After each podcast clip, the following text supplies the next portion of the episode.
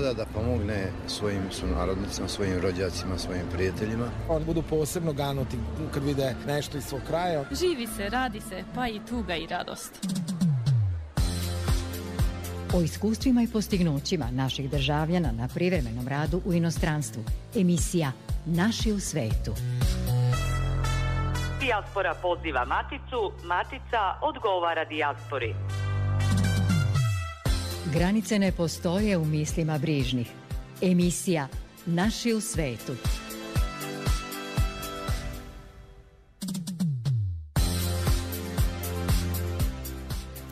Dobroveče poštovani slušalci, sa vama smo u narednih pola sata sa sledećim pričama. Vlada Srbije usvojila je strategiju ekonomskih migracija radi očuvanja naših stručnih kadrova i njihov ostanak u zemlji.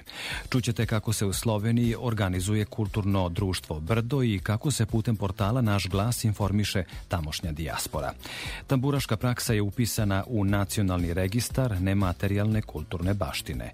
Sa nama su i večeras kolege iz emisije Večeras zajedno Radio Beograda 1 sa svojom pričom o našem rasejanju. Čućete kako udruženje Beli Bagrem u Rumuniji priprema manifestacije i okuplja naše ljude koji žive u toj zemlji.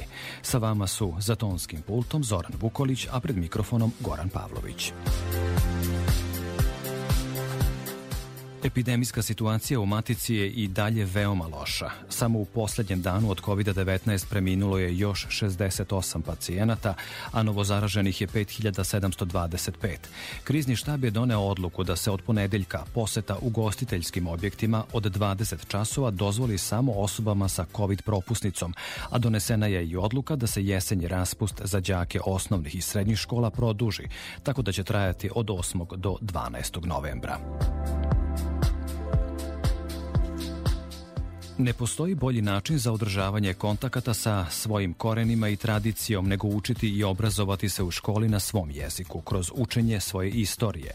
Rukovođen time, direktor Uprave za saradnju s dijasporom i Srbima u regionu Arno Gujon je tokom dvodnevne posete Srbima u Austriji otvorio osam dopunskih prosjetenih škola na srpskom. Kada živite u inostranstvu, vaša deca su u stalnom kontaktu sa tuđim jezikom, u vrtiću i u školi, a zatim tokom vanškolskih aktivnosti. Srpski se priča kod kuće, ali to nije dovoljno. SKPD Prosjeta je konkurisala sa projektom otvaranja novih odeljenja dopunskih škola u Beču, Lincu, Salzburgu i Sankt Peltenu, te je odlukom o sufinansiranju projekata namenjeno 4 miliona 250 hiljada dinara, rekao je Gujon. Dodaje da će se škole otvarati i u drugim zemljama zemljama. Otvaranje novih škola na srpskom podržala je i eparhija Austrijsko-Švajcarska. Vlada Srbije usvojila je strategiju ekonomskih migracija koja se primenjuje od ove godine i važiće do 2027. To je prvi dokument kojim se u našoj zemlji regulišu i definišu ekonomske migracije, a njegov cilj je smanjenje odlaska naših stručnih kadrova, kao i posticanje i održavanje što jačih veza dijaspore sa maticom. O tome koleginica Milijana Kočić. Konkretni koraci u okviru strategije ekonomskih migracija definisani su akcionim planom do 2023. napravljenim u saradnji sa Nemačkom agencijom za razvoj, a on predviđa uspostavljanje ravnoteže kad je reč o takozvanom odlivu mozgova i na drugoj strani privlačenju kadrova u našu zemlju, objašnjava državni sekretar u Ministarstvu za rad, zapošljavanje i socijalnu politiku Mirko Janić. Suština je aktivnosti iz akcijnog plana da se na taj način zaustavi odliv visokostručnih i visoko obrazovanih kadrova, a samim tim i da na taj način privučemo strane kadrove, takođe visoko obrazovane i visoko stručne. Zahvaljujući globalnom programu Migracije i dijaspora, koji Nemački GIZ realizuje u saradnji s našim ministarstvom, Nacionalnom službom za zapošljavanje i Komesarijatom za izbeglice i migracije, već je bilo pozitivnih iskustava s konačnim povratkom naših ljudi, ali se istovremeno radi i na njihovom povremenom vraćanju i učešću u funkcionisanju matice, navodi projektna menadžerka tog programa u okviru GIZ Srbija Jovana Stamenković. Imamo vrlo konkretne primere povratka kvalifikovanih stručnjaka iz Nemačke, gde je naš program podržao njih da pronađu posao u Srbiji, da osnuju svoje biznise i da negde nastave sa tom jačom vezom sa zemljom porekla. E, definitivno se radi na stvaranju boljih uslova i društvenih i ekonomskih u našoj zemlji i to bi sve trebalo da utiče na usporavanje odlaska stanovništva. Ali isto tako emigracija je nešto što se ne može sprečiti, može se samo ublažiti i um, da kažem može biti dobar način da se dijaspora uključi tako što će se odlazak pretvoriti u cirkularnu migraciju, gde će pripadnik dijaspore zapravo od održavati konstantnu vezu sa e, zemljom porekla, tako da smo mi e, pozitivni entuzijastični kada u pitanju ovaj način uključivanja dijaspore. U tome su ključni lokalni akteri, jer statistika pokazuje da naši u svetu najviše žele da doprinesu mestu iz kojeg su potekli, napominje Jovana Stamenković. Dijaspora je osetljiva i dijaspora nije jedno obrazovna, tako da treba pronaći pravi način e, i ciljne grupe kojima ćemo se obraćati. Podjednako je kao, e, po, e, kao i obraćanje nacionalnog nivoa dijaspori, podjednako je važno i obraćanje lokalnog nivoa dijaspori, jer je jaka veza između dijaspore i lokalne zajednice i negde su dosadašnji primeri pokazali e, da je dijaspora upravo spremna da uloži E, u svoju opštinu, grad iz koje dolazi, e, tako da su ovo sve nekakvi potencijali na kojima treba i u budućnosti raditi. Ako govorimo o doznakama, e, procene su da je u prošloj deceniji da, je, da, da su doznake činile čak 15% bruto društvenog proizvoda, ali isto tako su važna ne samo materijalna nego i nematerijalna ulaganja, jer dijaspora prosto doprinosi razvoju zemlje i na način što se vrši transfer veština znanja, e, takođe je bitna i za očuvanje kulturnog identiteta e, naše zemlje. E, generalno je demografska slika u Srbiji takva, karakteriše je depopulacija, dakle opadanje stope rasta stanovništva negativne u odnosu na prethodnu godinu. Isto tako je karakterističan i taj veliki udeo starije populacije, a na sve to dodajemo i visoku stopu emigracije.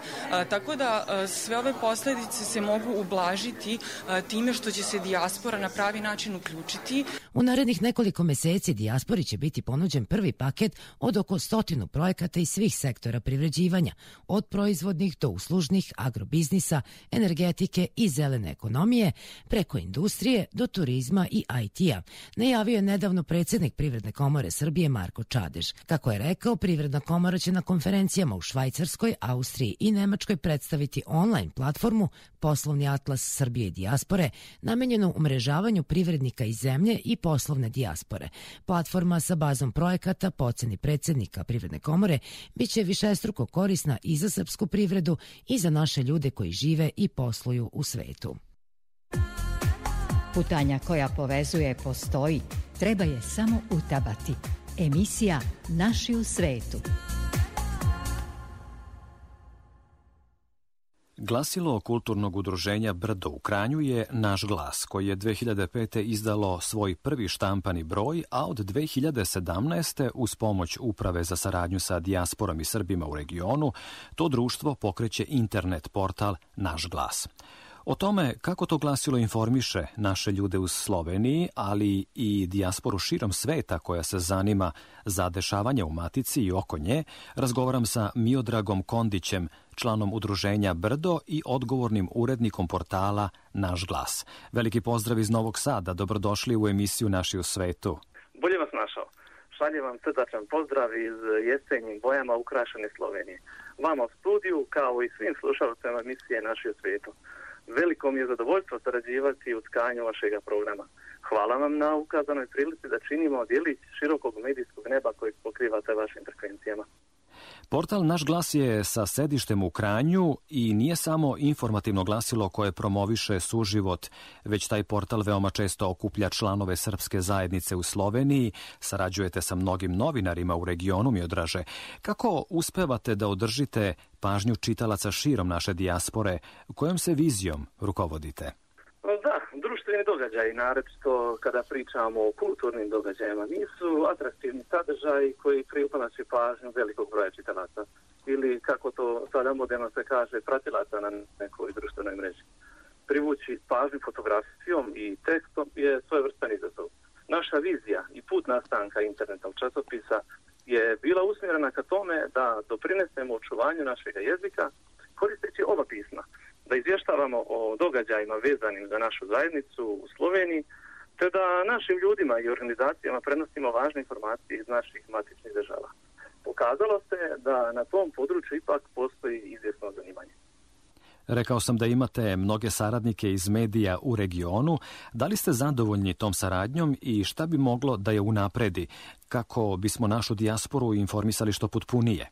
Baveći se novinarstvom, se broj saradnika i međusobna povezanost sa drugim medijima sve godinama povećava. Štampani oblik našeg glasa, prvi štampani broj je izašao sada već davne 2005. godine i to je ujedno i moj početak i prvi koraci u učenju bavljenja ovim poslom. U napređenju saradnje je uvijek opcija. Ono na čemu se uvijek može raditi je usavršavanje novinarske pismenosti i stručnosti.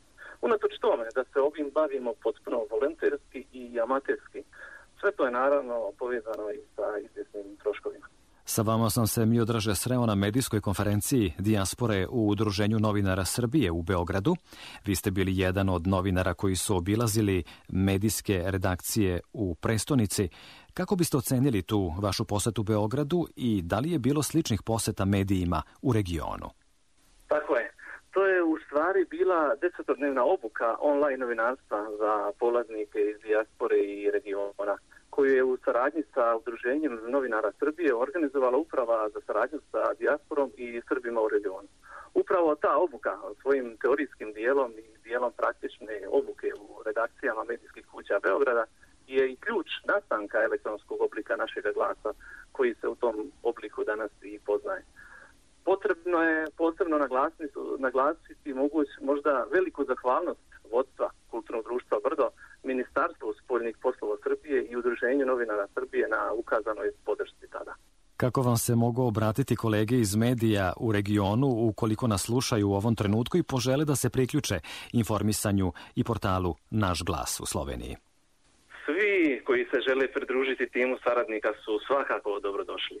Najjednostavnije je ostvariti kontakt putem e, kontaktnog obrazca na našoj stranici koji se nalazi u odjeljku uredništvo ili na odjeljku saradnici. Također nam možete pisati putem e-maila na nas glas manki kd e. Čitaocima preporučujem da nas prate direktno na stranici našglas.kd.brdo.com ili preko društvene mreže Facebook. Ali isto tako se mogu prijaviti preko biltena na novosti koje povremeno šaljemo putem elektronske pošte. U emisiji Naši u svetu Radio Novog Sada razgovaram sa Miodragom Kondićem, članom udruženja Brdo u Sloveniji i odgovornim urednikom portala Naš glas. Kao član kulturnog društva Brdo u Kranju, ali i kao novinar tamošnjeg medija, često ste mi odraže bili u organizaciji važnih događaja za srpsku dijasporu u Sloveniji. Znamo da zbog pandemije trpi ceo svet i da su masovni događaji redkost, ali verujem da ima događaja koji su tokom ove godine okupili su narodnike zainteresovane za očuvanje duha zajedništva. Koje biste susrete istakli mi odraže? Tiče ovog uh, perioda pandemijskog uopšte, ne želim komentarisati i prisjećati ih se.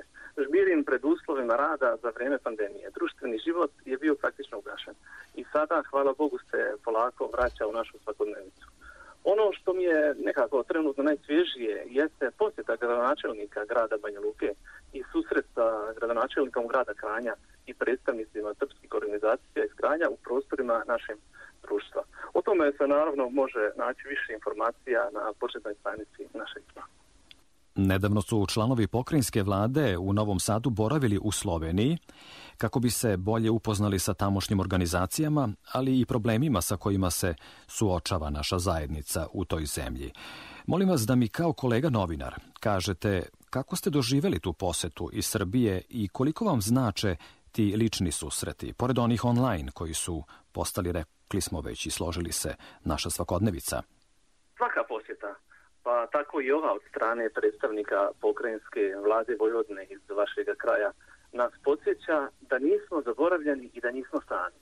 Svaki razgovor o našem položaju, položaju Srba u Sloveniji, ovdje će, nadam se, biti mali korak na dugom putu priznavanja kao manjenskog naroda u Sloveniji sa Savezom Srba Slovenije i gospodinom Vladimirom Kukanovićem smo ostvarili dobru saradnju svakako mu pružamo podršku prilikom ostvarivanja ciljeva za zajedničko dobro svih. U Sloveniji se organizuju časovi srpskog po tamošnjim školama. Kakvo je interesovanje za te škole i stičete li utisak da naši najmlađi, pored toga što uče slovenački, žele da što bolje očuvaju i unaprede znanje i maternjeg jezika? To je naravno aktivnost i vijest koja me posebno raduje. Ponosan sam što sam uspio preko portala pomagati nastavnicima srpske škole u bar nekoj mjeri na samim početcima i ostanavljanju škole. Podršku u organizaciji u našoj regiji je nudilo i naše društvo, društvo Brdo. O tome sam dosta objavljivao i pisao na našem glasu. Divan je osjećaj gledati te male ručice i iskre u očima ovde rođene dječice kada se susreću sa svojim tradicionalnim i istinskim. Da napomenem samo to, da je interes mališana kao i sam njihov odaziv dobar. Oni, pored jezika, imaju još dva predmeta u kojima uče o našoj tradiciji, otačbini i kulturi. Glasilo Srba u Sloveniji, ali i glasilo svih sunarodnika u regionu Naš glas, koje posluje, reko smo, u okviru kulturnog društva Brdo u Kranju, čiji ste vi mi odraže odgovorni urednik, i informiše putem interneta. Imali u Sloveniji radijskih i televizijskih kanala na srpskom i da li ste zadovoljni brojem medija koji emituju program na našem jeziku? Nažalost, nema redovnog emitovanja sadržaja na našem jeziku.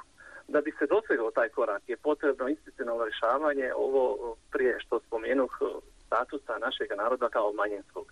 A nadam se da će i do toga doći. Do sada se zalažem za uvođenje produkcije multimedijskih sadržaja na srpskom jeziku koji bi uz neke dorade e, mogli da se primijeni na našoj stranici. Možda sam upravo nehotično i otkrio buduću viziju našeg glasa. Želim da vam se te želje zaista u neko skorije vreme i ostvare.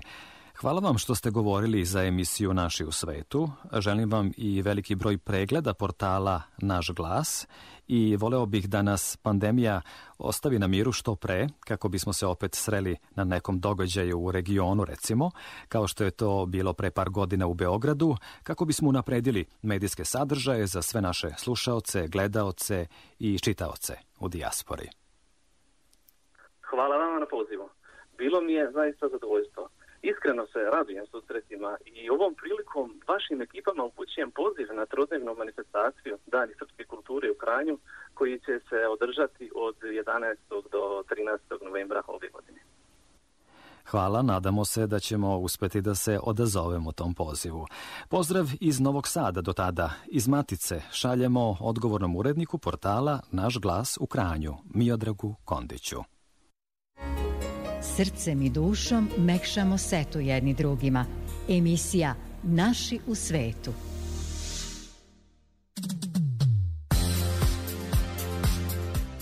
Najveći skup pisaca dijaspore poznat kao Oktobarski književni susreti prvi put je održan u Beogradu.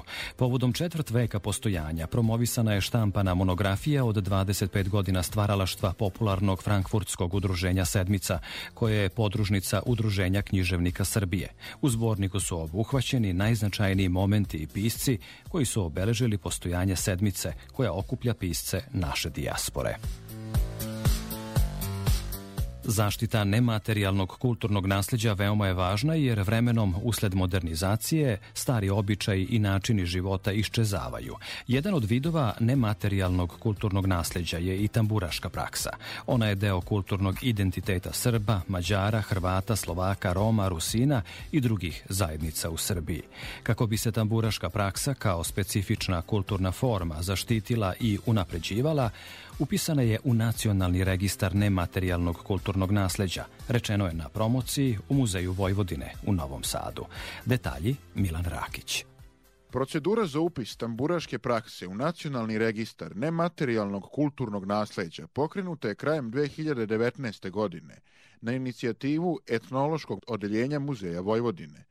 Potom su usledila antropološka i etnološka istraživanja kako bi se prikupila dokumentacija neophodna za njen upis u registar.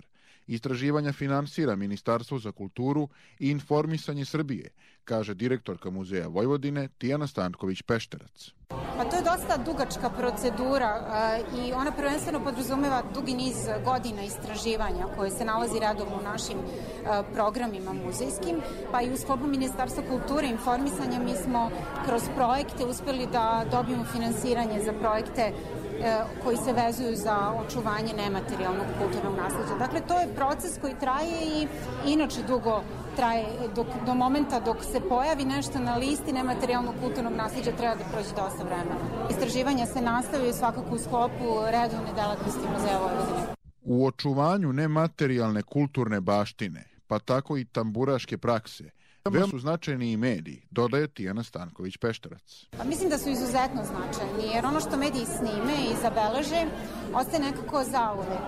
E, nama su mediji, kada je u pitanju nematerijalno kulturno nasljeđe i njegovo očuvanje, jedan ozbiljan partner. Tamburaška praksa je jedna od 54 elementa upisana u nacionalni registar nematerijalnog kulturnog nasleđa Srbije, sa ciljem da se ona zaštiti od faktora koji je ugrožavaju, a koje su to mere zaštite, otkriva Daniela Filipović iz Centra za nematerijalno kulturno nasledđe Srbije. Mere zaštite podrazumevaju pre svega dokumentovanje. Veoma je važno da u trenutku kada upisujemo element u nacionalni registar zabeležimo kako on u toj zajednici izgleda danas, odnosno na koji način se on danas praktikuje. Važno je da imamo saznanje i o tome kako je to bilo nekada u prošlosti, ali je važno da zabeležimo kako se dešava danas kako bismo mogli pratiti promene, jer ovdje je reč o živim elementima nasleđa i to podrazumeva da će se oni menjati. E, svakako, ovih dana je upisana tamburaška praksa, ali mi ne očekujemo da ona bude zamrznuta u svojoj sadašnjoj formi, nego će živeti u skladu sa potrebama zajednice u kojoj nastoji. E, takođe, kada govorimo o merama očuvanja, tu spada i ovo što danas radimo, a to je promocija elementa. Dakle, potrebno je da predstavimo taj element, da ukažemo zbog čega je on kao takav baš ušao u nacionalni registar nematerijalnog kulturnog nasleđa, a među merama očuvanja su i edukativni programi, dakle organizovanje radionica i drugih e, formi prezentacije i približavanja tog elementa i široj javnosti. Tamburaška praksa podrazumeva umeće sviranja na tamburaškim instrumentima, komponovanje i aranžiranje za tamburaški sastav, izradu i reparaciju tamburaških instrumenta, pevanje uz pratnju tamburaškog sastava i mnoge druge veštine. Granice ne postoje u mislima brižnih. Emisija Naši u svetu. Udruženje Beli Bagrem u Rumuniji organizuje manifestacije za naše ljude koji žive u toj zemlji, a u svom delovanju oslanjaju se na institucije u Matici. Više o tome slušamo u razgovoru koji je pripremila koleginica Gordana Gligorić, urednica emisije Večeras zajedno Radio Beograda 1, sa kojima naša emisija razmenjuje zapise koji promovišu saradnju Matice sa našim rasejanjem. Srpsko kulturno udruženje Beli Bagrem iz Temišvara postoji od 2008. godine. Pročuli su se po muzičko-scenskom delu Obrisi davni, koje je odigrano na sceni Temišvarske opere, ali i po brojnim drugim manifestacijama za odrasle i decu koje su od tada organizovali i za koje su imali podršku u vidu sufinansiranja iz Srbije. Ali da ne otkrivam baš sve, sa nama je predsednik i jedan od četvoro osnivača udruženja Milenko Lukin. Milenko, dobroveče. Dobroveče vama i slušalcima. Jesam li vas dobro predstavila? E, pa jeste, moram da kažem, znači mene su postavili predsednika, pošto sam ja najstari da najviše radim te administrativne poslove, znate. Obično je to tako. Šalim se, naravno, da, šalim se, a e, ostali su malo mlađi od mene, to je koleginica Ljubica Popadić, Čirin Olivera, druga koleginica i moj sin Nenad e, Lukin. Ja sam predstavila vas, vi predstavite Beli Bagrem.